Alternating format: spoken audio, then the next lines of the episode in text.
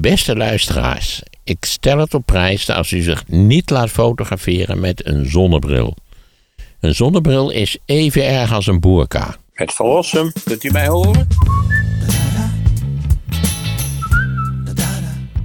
Maarten Verrossum, de podcast met zometeen nog een stukje grondwet, wat we nog moeten behandelen. Uh, we hebben het over Donald Trump en eerst maar eens eventjes de situatie in Rusland slash Oekraïne, want uh, het is spannend daar. Ja, ook daar geldt eigenlijk uh, ja, dat je er weinig verstanders van kunt zeggen. Dat is eigenlijk mijn indruk. De, dus de militaire deskundigen zeggen in feite allemaal hetzelfde. Namelijk dat de Oekraïne wel bezig is aan een zomeroffensief, maar zij tasten een lange frontlijn af. Uh, waar zitten de, de zwakke punten van de Russen? En dan, als ze die dan eenmaal gevonden hebben, zullen ze daar dan volop op sturen. Maar wanneer en hoe en, en of dat werkt, dat weten we helemaal niet. En als je nou het, nieuws van deze week zou moeten samenvatten, dan zou je zeggen voortgezette onzekerheden, zou ik zeggen. je hebt ook niet het gevoel het, dat het heel goed gaat. Maar, maar de, de Oekraïners zelf schijnen er tevreden over te zijn. Uh, ik begreep dat die, die, uh, die, die Engelse instituut, of was nou juist een Amerikaans instituut, nou dat doet er ook niet veel toe.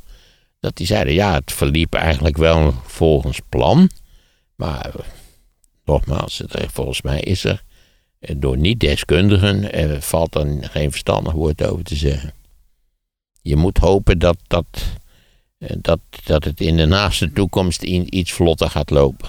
New York Times had... En er is natuurlijk voortdurende discussie over hoe moeten we verder met dat probleem. Ja. He, moet, moet de Oekraïne lid van de NATO worden? Moet de Oekraïne lid van de, van de Europese Unie worden? Enzovoort, enzovoort. Ja. Dan heb je bij de Unie heb je natuurlijk allemaal hele, zeg maar, flexibele verbindingen. je kunt praktisch totale toegang bieden zonder dat ze lid zijn en nog zo wat van die dingen. Maar bij de NATO is het wel een beetje, of je bent lid of je bent geen lid. Dat is net zo'n beetje als zwanger. Hè? Of je bent zwanger of je bent het niet. Maar je kunt niet bijvoorbeeld een beetje zwanger zijn. Nee, dat kan nee. niet. Wanneer kan Oekraïne Poetin aan de onderhandelingstafel dwingen? Nou, dan zal er toch eerst nog een flinke klap moeten komen aan dat front. Waarbij duidelijk wordt natuurlijk dat, uh, dat het Russische leger opnieuw, net als vorig jaar, een enorme zeepert haalt. Dat, dat moet dan wel duidelijk zijn. Vandaar ook dat natuurlijk in de huidige situatie, als je, aan de vooravond staat van een mogelijke spectaculaire ontwikkeling, dan ga je natuurlijk niet praten. Dat is zo klaar als een lontje. Dat ga je eerst uitvoeren. Ja, ik ben langzamerhand wel geneigd om te zeggen, het is heel pijnlijk en het zal, het zal ook een, een, problemen geven met Rusland, onvermijdelijkerwijs. Maar goed, dat is ook wel een beetje hun eigen schuld. Ik denk dat praktisch de enige oplossing is dat je de Oekraïne lid van de NATO maakt. Of dat je een zodanige garantieformule verzint dat dat feitelijk identiek is aan artikel 5 van het NATO-verdrag. En niet waar waarin staat dat een aanval op één, dat het een aanval op allen is.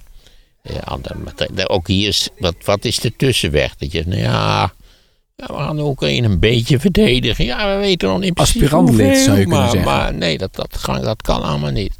Want wat je ook precies gaat afspreken, als er al iets zal worden afgesproken, want ook van de kant van Poetin is ons nog niets, niets duidelijk geworden over wat hij precies zou willen.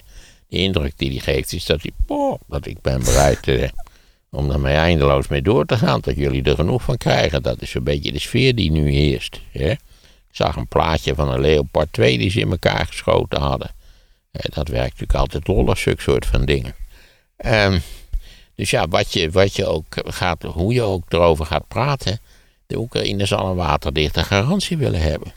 En dat, dat, dat zou iedereen willen hebben die een grens van duizenden kilometers deelt met een door en door onbetrouwbare politiestaat die eh, gerund wordt door dieven en moordenaars. Dat, ik kan me daar wel iets bij voorstellen. Oké, maar als ik jou goed begrijp, zeg je dus het enige wat Poetin naar de onderhandelingstafel kan dwingen is een NAVO-lidmaatschap van Oekraïne. Nou, en, en wat dan, maar goed, dan heb je gezegd wat je gaat doen. Dus daar valt dan niet meer over te praten natuurlijk. Nee, maar jij denkt wel dat hij dan gaat onderhandelen? Nee, ik denk dat hij gaat onderhandelen als de, de militaire situatie eh, plotseling spectaculair zou Maar dat is dan zo, want daar is voor het, de Russen. want daar gaan natuurlijk alle NAVO-landen, ze gaan meevechten. Dan gaat Amerika misschien zich ermee bemoeien. Nou ja, en dan, dan, eh, dan hebben we al besloten dat de Oekraïne lid van de NATO wordt. Maar zover zijn we nog lang niet. Ik heb dat besloten, maar ja, En we bespreken nu een scenario. Mijn, mijn podcast geen doorslaggevende rol speelt in het overleg in Brussel. ja, dat is jammer, maar zo is het nu eenmaal. Ik vond die redenering van Kissinger eigenlijk wel overtuigend. Omdat hij, hij, Kissinger redeneerde dubbel. Je, kijk, je moet ook uitkijken dat Oekraïne, dat is een land zonder, zonder grote geopolitieke of strategische ervaring. Het land als zelfstandige unit bestaat pas sinds eh, 91, 1991. We hebben de Oekraïne zwaar be- bewapend. Het is de meest zwaar bewapende natie in Europa op dit moment. Dus je zit met een dubbel controleprobleem. We zitten met dat verdomde Rusland natuurlijk. Maar je moet ook uitkijken dat, dat Oekraïne niet, eh, laten we zeggen, eh, op avontuur gaat. Dat, dat is ook heel ongewenst. Op avontuur, wat is, bedoel je? Nou ja, dat hij zelf allerlei acties gaat ondernemen, waardoor de zaken erger worden in plaats van minder erg te worden. Maar dat doen ze nu toch al? Nou, ah, wacht, nee, nu zijn ze nog steeds bezig met zichzelf te verdedigen. Of het verstandig is om ervan uit te gaan dat je alle Russen van het grondgebied van Oekraïne weg kunt jagen, dat, daar bestaat veel twijfel. Nou ja, ze hebben die gasleiding ook eh, waarschijnlijk opge... eh, Dat zou kunnen, maar daar kan iedereen die een roeiboot heeft en een granaat om te laten ontploffen, heb ik begrepen. Het was via een zeilboot gegaan die bij Polen eh, volgens mij de zee Ja, je opgegaan weet, was. die Oostzee die is niet diep, dus dat, dat, moet, dat moet mogelijk zijn. Nee, nee. Oké. Hey, en dan had eh, Poetin, die had natuurlijk weer flinke taal uitgeslagen. Weer voor de zoveelste keer zei hij, als je als Westen je meer, nog meer gaat bemoeien, let op, wij hebben veel meer kernwapens en dan dreigt een hele grote Ja, en ramp. had hij die kernwapens heeft hij nu in Wit-Rusland gestationeerd. Nou ja, dat is allemaal stoerdoenerij. Hij heeft het weer een keer herhaald, hè? Blijft dat maar roepen Ja, keer. natuurlijk doet hij het enige wat hij heeft. Wat, wat, waar moet hij anders mee dreigen? Nou ja, hij zou misschien eens iets moeten doen om te laten zien dat het de meen is, is dat hij het wil afschieten. Nou, dat lijkt me heel onverstandig van hem, eerlijk gezegd. Ja, dat snap ik, maar ook niet het echt afschieten, maar misschien een eerste stap zetten, zodat hij, want nu, op een gegeven moment wordt het loze ook taal. voor nou nucleaire wapens, of ze zijn ontploft of ze zijn niet ontploft. Een beetje kunnen- ontploffen kan niet. Dus het is niet zo dat je zegt van, nou ja, we zijn halverwege, we blazen het kaarsje weer uit. Zo, zo werkt dat niet. De enige die dacht dat dat zo ging was Ronald Reagan, hè. Die dacht dat als je die Polaris-raketten zou lanceren uit die, uit die nucleaire duikboten... en je zou toch na een kwartiertje denken, nee, nee, we hadden het beter niet kunnen doen. Dat er dan een knop was waar je op kon drukken en dan kwamen ze weer terug... en dan zakten ze weer terug in de silo's. Dat was wel... Ja, dat is ook fijn om zo'n president te hebben die eigenlijk van niks weet. Dat, is ook, dat heeft ook wel iets, toch? Een, volstrekt gebrek aan deskundigheid. Nou ja, we hebben natuurlijk eh, we hebben Trump weer. We- De hele week liep er ook een zaak tegen Trump natuurlijk. En bleek nog eens hoe raar het zat met die, met die dozen, met die spullen die die hij voortdurend overal achter zich aansleept. Dat is een soort, dat is een soort van... Nou ja, wie, wie, wie, wie gaf dat voorbeeld en dat sprak mij wel aan als kinderen op vakantie gaan, dan willen ze ook altijd hun, hun knuffel met zich meebrengen, meenemen, toch?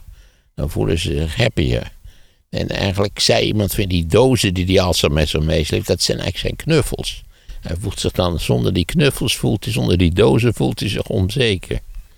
Ja, dat, ik vond dat wel een treffend, eh, treffende metafoor. Hier is een analyse. Eh, Trump staat niet boven de wet. De aanklacht is de juiste zet. Ja, nou ja, kijk eens, eh, die aanklacht lijkt mij volstrekt terecht. Ook de vergelijking met het feit van die papieren die Biden in bezit had, of Hillary of wie nog meer. Dat, dat slaat in dit geval nergens op, omdat natuurlijk eh, Trump eh, eindeloos beleefd gevraagd is of hij die spullen terug wil geven. En ja, dat heeft hij dus niet gedaan.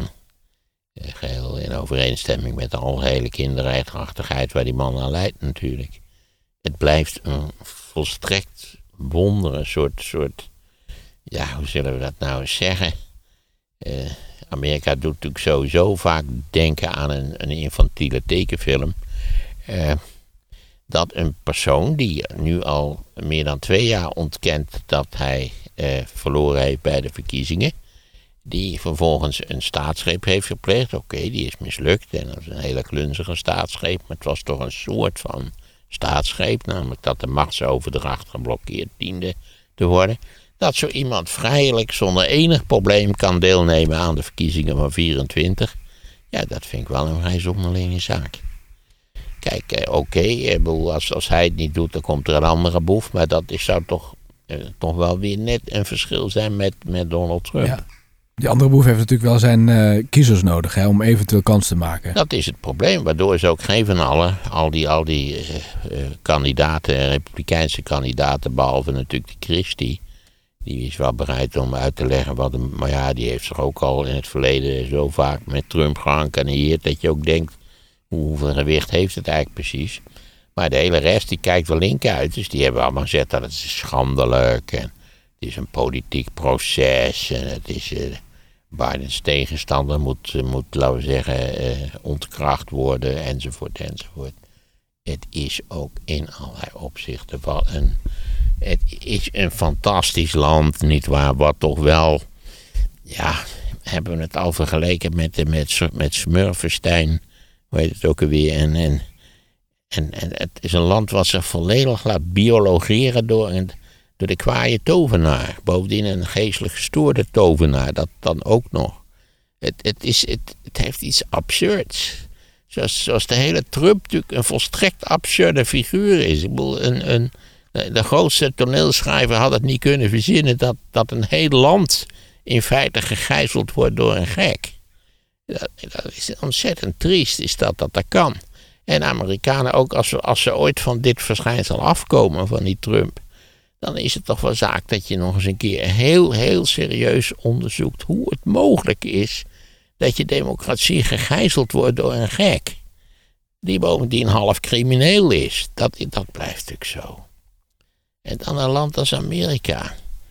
Ja, kijk, in, weet ik veel, in Oeganda, daar kan ik me allemaal nog wel iets bij voorstellen.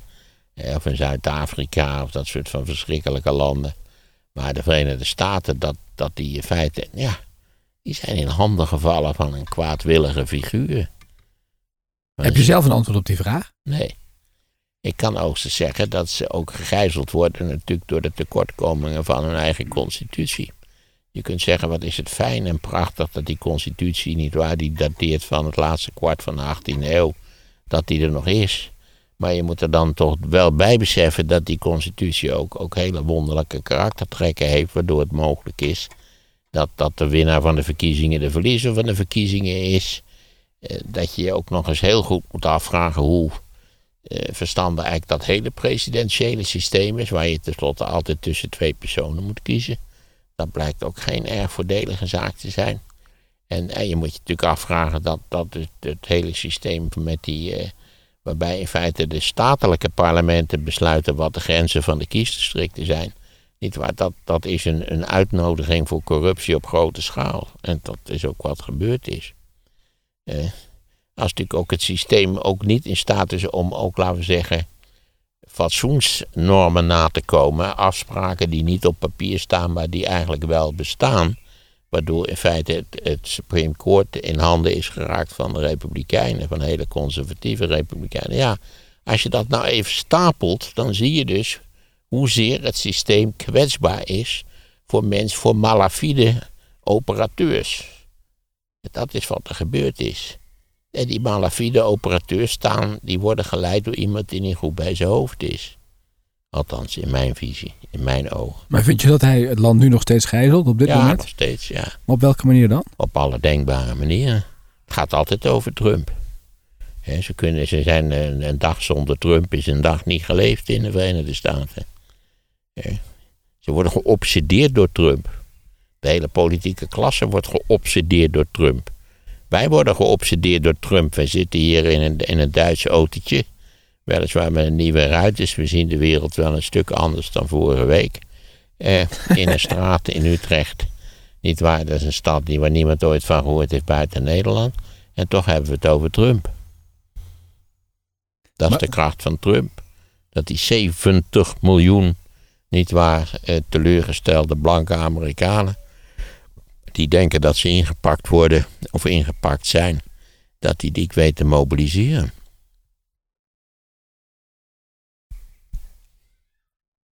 Het is overigens iets wat voortdurend in allerlei democratieën voorkomt. Evengoed wordt, wordt een land als Turkije wordt gegijzeld door, door, door eh, de man die net die verkiezing heeft gewonnen. Erdogan is ook, ook iemand die natuurlijk met, met leugens en met nationalistische klets praat. Niet waar, eh, op het nippertje.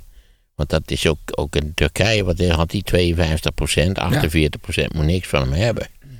Eh, maar dat, dat zijn hele, ja, dat, dat, die presidentiële systemen zijn een ramp in alle denkbare opzichten. We zouden nog een stukje doen eh, van de grondwet, hè? daar zijn we mee begonnen. En, Ja, ik ben natuurlijk aan mijn verplichting heb ik niet voldaan, maar dat wil niet zeggen dat ik niet toch wel iets kan zeggen over die grondwet. Omdat ik een leuk stukje las van Joop van den Berg, een voormalige Partij van de Arbeid, corrivee, maar die schrijft tegenwoordig eh, eenmaal per 14 dagen een column in op een, op een webpage die heet parlement.com volgens mij. En die is begonnen aan een serie eh, waarin hij bepleit dat wij onze grondwet herzien. Onze grondwet dateert van 1983 en hij zegt, er is reden om de hele, hele zaak nog eens geïnteresseerd en gedetailleerd door te lopen en op een aantal punten wezenlijke veranderingen aan te brengen. En ik denk dat dat juist is. Eh, want we hebben het ook al over die Eerste Kamer gehad, volgens mij. Hoe heet nou onze vriend uit Leiden ook alweer? Eh, die dat van Koermans. ja, precies. Die, die neigde toch ook in dat stuk in de krant. Van ja, als de Eerste Kamer, als het zo gaat, dan, dan is de vraag: is het niet in feite een hinderpaal voor normale besluitvorming in Nederland geworden? Ja, dat is het denk ik. En luister had dat ook naar Nanninga toegestuurd van Forum voor Democratie die in de Eerste Kamer zit. ja, Deze ja. podcast. Oh, nou ja. Niet Of- dat ik denk dat die podcast nu alles ertoe zal doen. Maar eh, ik denk wel dat het de zaak is. Om, eh, maar je begrijpt dat de grondwet eh, grondig gewijzigd moet worden. Wil je van die Eerste Kamer af eh, kunnen komen.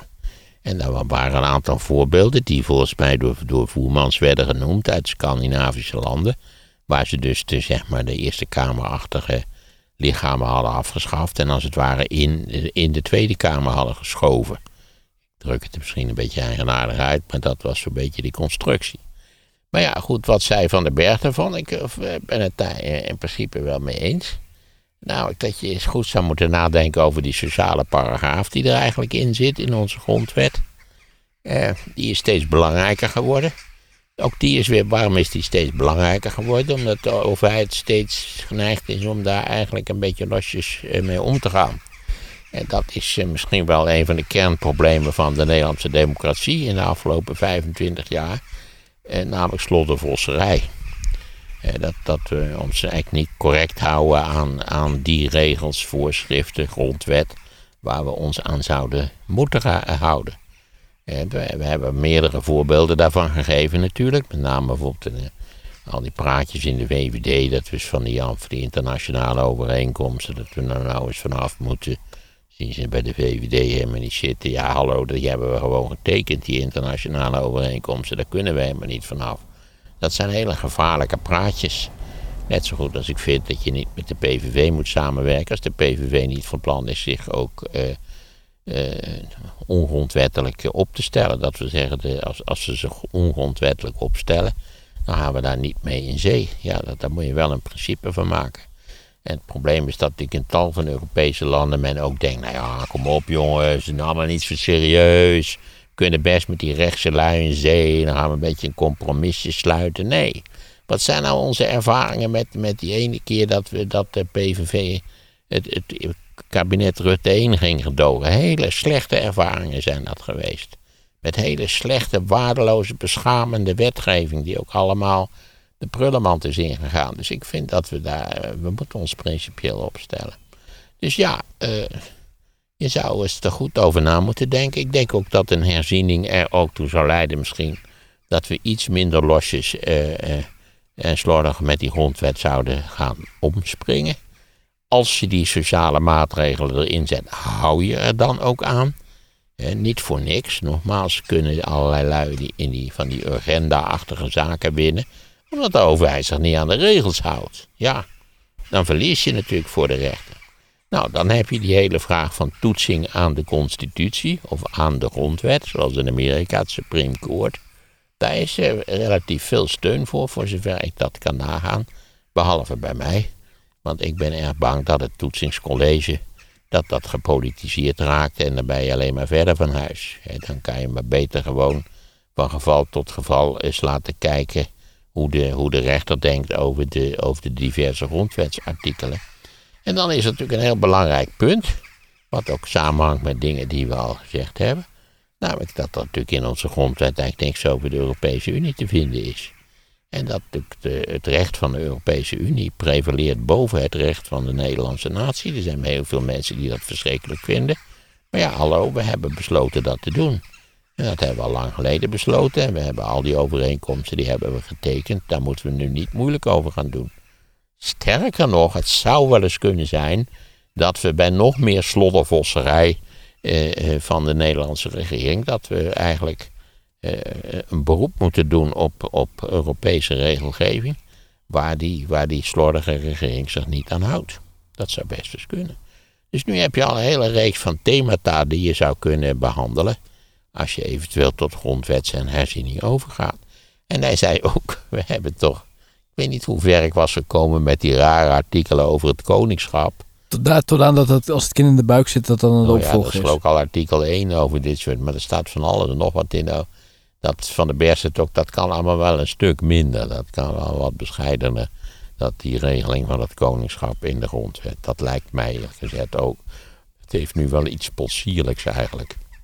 Dus ja, je zou eventueel ook een, een landelijke discussie over een nieuwe grondwet. Kan ook een hele heilzame werking hebben. Lijkt mij op, op een aantal dingen die in Nederland simpelweg uit de hand zijn gelopen. Of uit de bocht zijn gevlogen, of hoe je het precies metaforisch wil inkleden. Dus nu eh, moet ik nog eh, naar dat boek van die Voermans en, en kijken wat hij daar precies over zegt. Dat moet je nog lezen. Ja, dat is een heel dik boek, de onze constitutie. Daar ben ik natuurlijk helemaal niet naartoe gekomen. Nee. En als we de grondwet willen aanpassen, moet er meerderheid zijn in de Tweede Kamer. Dat op de eerste plek. Ja, ja zeker. zeker. En, en eh, nee, dan, moet, dan moeten eh, eerst in, bij zittende Eerste en Tweede Kamer moeten meerderheden zijn. Dan moet je verkiezingen houden en dan moeten er twee derde meerderheden zijn in de nieuwe Eerste en Tweede Kamer. Wil je tot een nieuwe grondwet kunnen komen. Waarom moet je verkiezingen houden? Wil je dat, ja, dat, ja, je moet ook daartussendoor moeten verkiezingen houden. Waarom? Dat, ja, dat staat in de grondwet, dus daar moeten we ons aan houden. Dus als je de grondwet wil wijzigen, dan moet je dus eerst een meerderheid hebben en dan verkiezingen en dan weer een Ja, meerderheid. zo is het maar net, ja. Wat is daar de gedachte achter dan? Dat het zo moeilijk mogelijk is om de grondwet te wijzigen. Zodat je niet dat er allerlei regeringen. Maar ja, neem die, neem die losse VVD'ers. Hé jongens, we maken ons druk over. Al die internationale. eh, Zo, wat een gelul, dat moeten we helemaal niet doen. Dat is allemaal kletspraat. Pas het meteen aan. Ja, we, we, we, we passen het meteen aan. Nee, zo werkt het niet. Boom, die ligt nog een. Volgens mij ligt er nog een heel, heel voorstel voor een bindend referendum. Dus dat zal ook nog, eh, dat zou je ook moeten inpassen. Daar ben ik natuurlijk weer enorm tegen. Ik ben tegen referenda. Ik ben tegen districtenstelsels. Ik ben tegen gekozen minister-presidenten. Dus dat, ja, je krijgt een hele mooie, levendige discussie.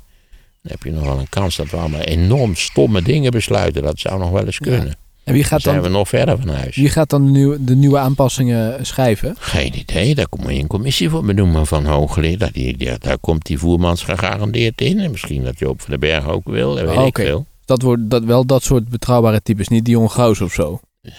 Nee, nee, maak je geen zorgen. Die ongehouden komt daar niet in, nee.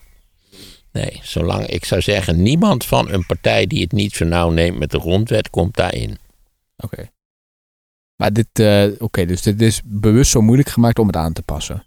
Wanneer is de laatste Ja, keer... nou, daar is eh, alle reden voor dat dat zo, dat Ja. dat zo georganiseerd is. Jij noemde dus eh, die, die sociale stuk. Is dat de laatste keer dat er iets is aangepast aan de grondwet? Nee, daar, is ook, daar zijn wel in de tussentijd her en der kleinere aanpassingen aan de grondwet gedaan. Maar in feite zitten we met de grondwet van 1983. Kun je nagaan. Toen ja. is die sociale paragraaf, dat zijn de artikelen, ja, is dat niet 21, 22, 23 en 24? Jij hebt het toen op het papiertje geschreven. Ja, precies. Ik had het op het papiertje, maar het papiertje heb ik niet meer bij me, dus nu weet ik het niet precies meer, maar zoiets is het. Je ziet het nou snel genoeg als je even tik het in op, de, op het internet, je krijgt de Nederlandse grondwet en dan kun je het zo zien. Ja. Ja, want eh, is, eh, dat, dat staat er ook in de huidige grondwet heel duidelijk. De echte grondrechten, daar begint het mee. En dan komen allerlei andere zaken. Ja. Eh, Wil je nog meer dingen zeggen over de grondwet? Anders heb ik nog wat vragen van luisteraars die... eh, Eh, nee, ik kom maar met die vragen van luisteraars. Oké. Even kijken, want er zijn natuurlijk ook mensen die heel kritisch hebben zitten meeluisteren. En eh, hier hebben we zo iemand te pakken. Namelijk ehm Philip, of Philbert, Phil- Philbert de Zwart. Die zegt artikel 1. Alleen die zich in Nederland bevinden worden in gelijke gevallen gelijk Zo behandeld. is het, ja. Discriminatie wegens godsdienst, levensovertuiging, politieke gezindheid, ras, geslacht of op welke grond dan ook is niet toegestaan. En jij hebt schijnbaar gezegd dat je spreekt over Nederlanders, maar er staat dus alle die zich in Nederland bevinden. Ja, ik heb mij dus even slordig uitgedrukt, maar de intenties waren goed. Dat zei deze meneer Philbe- Philbert. Zo. Wel even de zonnebril afzeggen. Afzetten als u serieus wil worden genomen. Zie je ook wat hij in zijn, eh, op zijn bordje heeft liggen? hè? Ja, en hoe heet het? Een, eh, Croissant. hè? ja, een croissant. Ken ik een francofiel type. Even kijken, wat hebben we dan nog? Eh, Mi- eh, Michiel is heel blij. Eh, die zegt, fijn Maarten dat je de grondwet hebt eh, behandeld. Eh, maar wat vind je er dus van dat heel veel mensen dus geen idee hebben wat erin staat? Moeten Ja, dat vind ik vrij treurig. Maar dat, dat zou moeten worden ondervangen door het vak staatsinrichting op de middelbare school. Maar of dat nou ook daadwerkelijk gebeurt, is mij nooit duidelijk. Ik heb ooit voor een artikel heb ik een aantal leerboeken staatsinrichting bekeken. En eh, die vond ik eigenlijk vrij behoorlijk. Als je die, als je die bestudeerd hebt en eh, je, het interesseert je een klein beetje, dan zou je wat moeten weten hoe het zo'n beetje zit. Het probleem met dit soort van dingen is dat het kinderen vaak geen ballen mallemoe interesseert. Dus wie weet hebben ze het wel gehad. Maar ja, je weet, ze vergeten alles zo gauw mogelijk weer. Ja. Uit onderzoek blijkt geloof ik dat kinderen op school ongeveer 30% van alles wat ze in het voorgaande jaar hebben geleerd, dat ze dat weer vergeten. Ja. Vandaar dat ik er zo'n voorstander van ben. Besteed de eerste maand van het nieuwe schooljaar aan herhaling van de stof van het vorige leerjaar. Maar we hebben een eh, polletje onder luisteraars gedaan en de meerderheid zegt, ik heb de grondwet ook nog nooit gelezen. Wat vind Nee, je dat verbaast me niks natuurlijk, want in het algemeen blijkt... Ik vraag ook altijd aan zalen wie van u heeft in de afgelopen paar jaar de grondwet wel eens bekeken. Nou, niemand. Wat dat betreft juist zo gek in Amerika dat er heel veel mensen zijn Die de grondwet eh, bij zich hebben. Ja, ja. In een soort van klein handig boekje. Frank van Kruil, dat is deze meneer. Maar weer met de zonnebril. Eh, beste luisteraars, ik stel het op prijs als u zich niet laat fotograferen met een zonnebril. Een zonnebril is even erg als een boerka. In de aflevering van de grondwet vertelde Maarten dat hij niet religieus is opgevoed, maar toch op zondag naar de zondagschool werd gestuurd. Ja. Maarten begreep niet waarom zijn ouders dit deden. Ook ik onderging dit lot. Later vertelde mijn moeder dat ze dan een uur rust hadden zonder ruzie in de kinderen. Wij maakten geen ruzie, mijn ouders maakten ruzie. Dus dat kan het niet geweest zijn. Ja, misschien dat ze rust wilden hebben om even ruzie te maken. Terwijl ik weg was. Maar ik was volgens mij, mijn zuster was er niet bij. Ik weet niet, volgens mij was het een soort algemeen ideaal dat je als ongelovige toch, toch een soort van vage kennis zou moeten hebben omtrent het geloof. Zoiets was het volgens mij. Oké. Nou, dat waren denk ik de Waar vragen. ik overigens helemaal niet tegen ben. Kijk, je kunt natuurlijk zeggen dat het christendom is, is eh, enorm op een zijspoor geraakt in onze samenleving. Dat is wel zo klaar als een klontje. Maar het christendom is natuurlijk in allerlei opzichten toch een wezenlijke factor geweest. In de wijze waarop onze samenleving tot stand is gekomen. Ja, Dus ik vind het wel nuttig dat je, dat je daarvan kennis neemt. ja. Ben je van plan om na deze podcast de hele grondwet te gaan lezen? En nee zegt 71% en ja interessant zegt 29% van de Nou, dat luisteraars. valt me nog mee. Ja? Ja, Oké. Ja, er zijn natuurlijk een heleboel mensen die zeggen, ja, wat kan mij die grondwet schelen? Ik heb er nooit last van. Ik ben nooit, bij sollicitaties heeft nooit iemand aan mij gevraagd, wat staat er in artikel 23 van de grondwet? Dus waar, waar zou ik me druk over maken? Ja? Voetbal is toch een stuk interessanter. ja. Oké. Dat waren de belangrijkste vragen die zijn binnengekomen. Dus wij komen nog een keer terug als jij dat boek van Boerma- eh, Voermans hebt gelezen, maar dat kan even duren. Nou ja, dat kan allemaal wel even duren, ja. Ja. ja. ik, ik, nou ja, ik, nogmaals, ik, ik spoor aan tot... eh, laten we niet vergeten dat die laatste eh, grondwetswijziging toch alweer, eh, wat is het, eh 40 jaar geleden is. Dus het is, het lijkt me een heel redelijk... er zijn veel dingen veranderd in Nederland.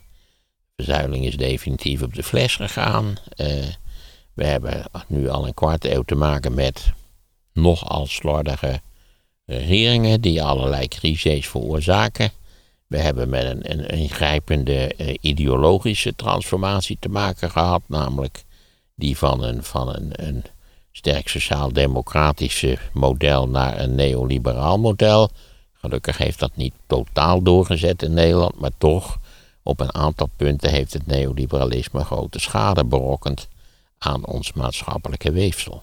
Oké. Nou, komende dagen blijven in ieder geval de situatie in Rusland en Oekraïne in de gaten houden. Uh, daarover meer in de volgende afleveringen.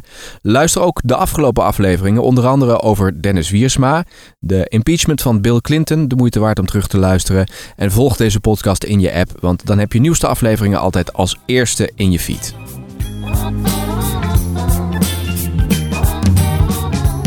Een zonnebril is even erg als een boerka. Een gloednieuw luisterboek staat voor je klaar. Maarten van Rossum vertelt drie kwartier lang over de nieuwe wereldorde die ontstaat door de oorlog in Oekraïne. Ja, dat zou natuurlijk enorm lollig zijn als we dan een tijdelijke, verstandige dictator zouden kunnen benoemen.